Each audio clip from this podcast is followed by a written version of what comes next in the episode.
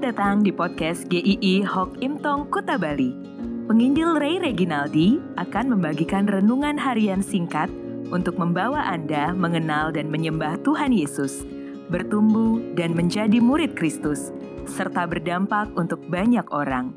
Jika Anda merasa diberkati melalui renungan ini, silahkan bagikan podcast ini agar orang lain juga diberkati. Inilah renungan hari ini.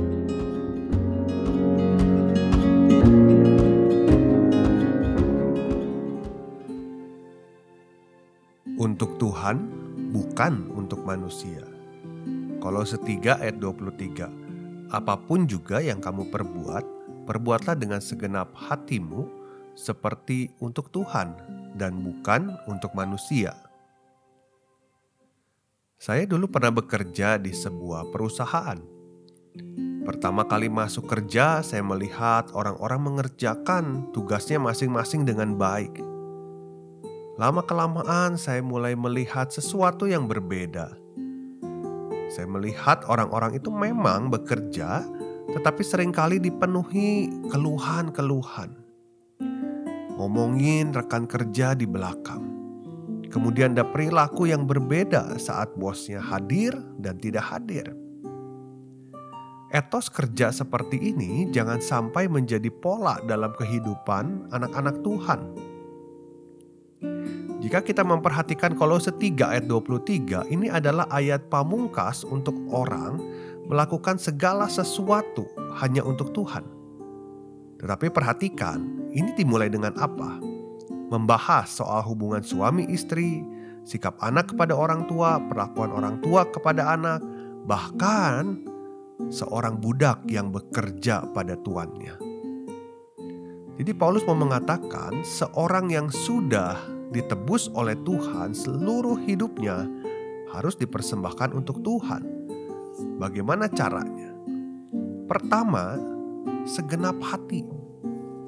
Ini pasti kita sering dengar kita harus memiliki hati yang baik, tulus dalam mengerjakan segala sesuatunya. Kita mungkin bisa mengerjakan berbagai hal tanpa kita memiliki hati di sana. Kita mungkin bisa bekerja menghasilkan uang tanpa kita tahu tujuan kita untuk bekerja.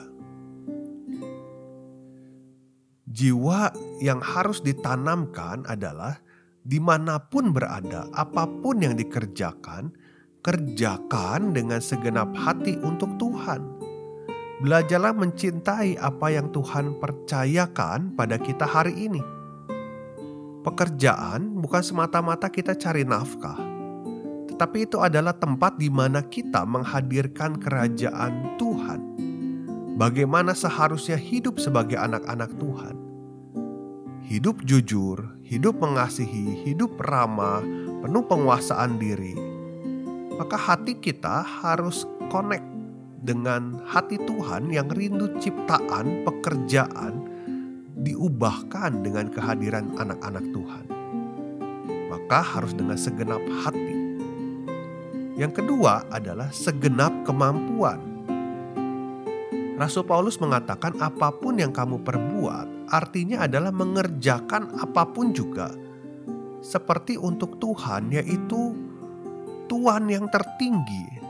Tidak ada lagi yang tertinggi dari Tuhan yang bisa melihat hati kita, melihat pikiran kita, apa pun yang kita kerjakan. Maka kita bekerja bukan asal-asalan atau seadanya. Memiliki hati tanpa kesungguhan mengerjakannya tidak ada artinya. Maka kerjakan segala sesuatu dengan segenap kemampuan yang sudah Tuhan berikan bukan seperempat, bukan setengah kemampuan, tapi seluruh kemampuan. Kita tidak diminta untuk mengerjakan yang tidak bisa kita kerjakan, tetapi yang bisa kita kerjakan.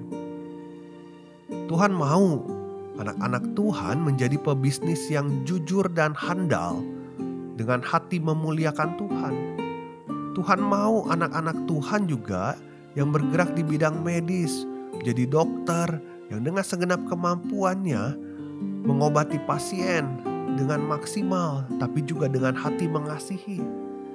Juga untuk orang-orang yang bekerja, anak-anak Tuhan yang ada di lapangan-lapangan pekerjaan apa pun juga dapat melayani, dapat bekerja dengan hati yang tertuju pada Tuhan. Bukankah Tuhan berkata, "Kasihi Tuhan dengan segenap hati, segenap jiwa, segenap akal budi, dan segenap kekuatan"? Mari kita bekerja untuk Tuhan, bukan hanya semata-mata untuk manusia.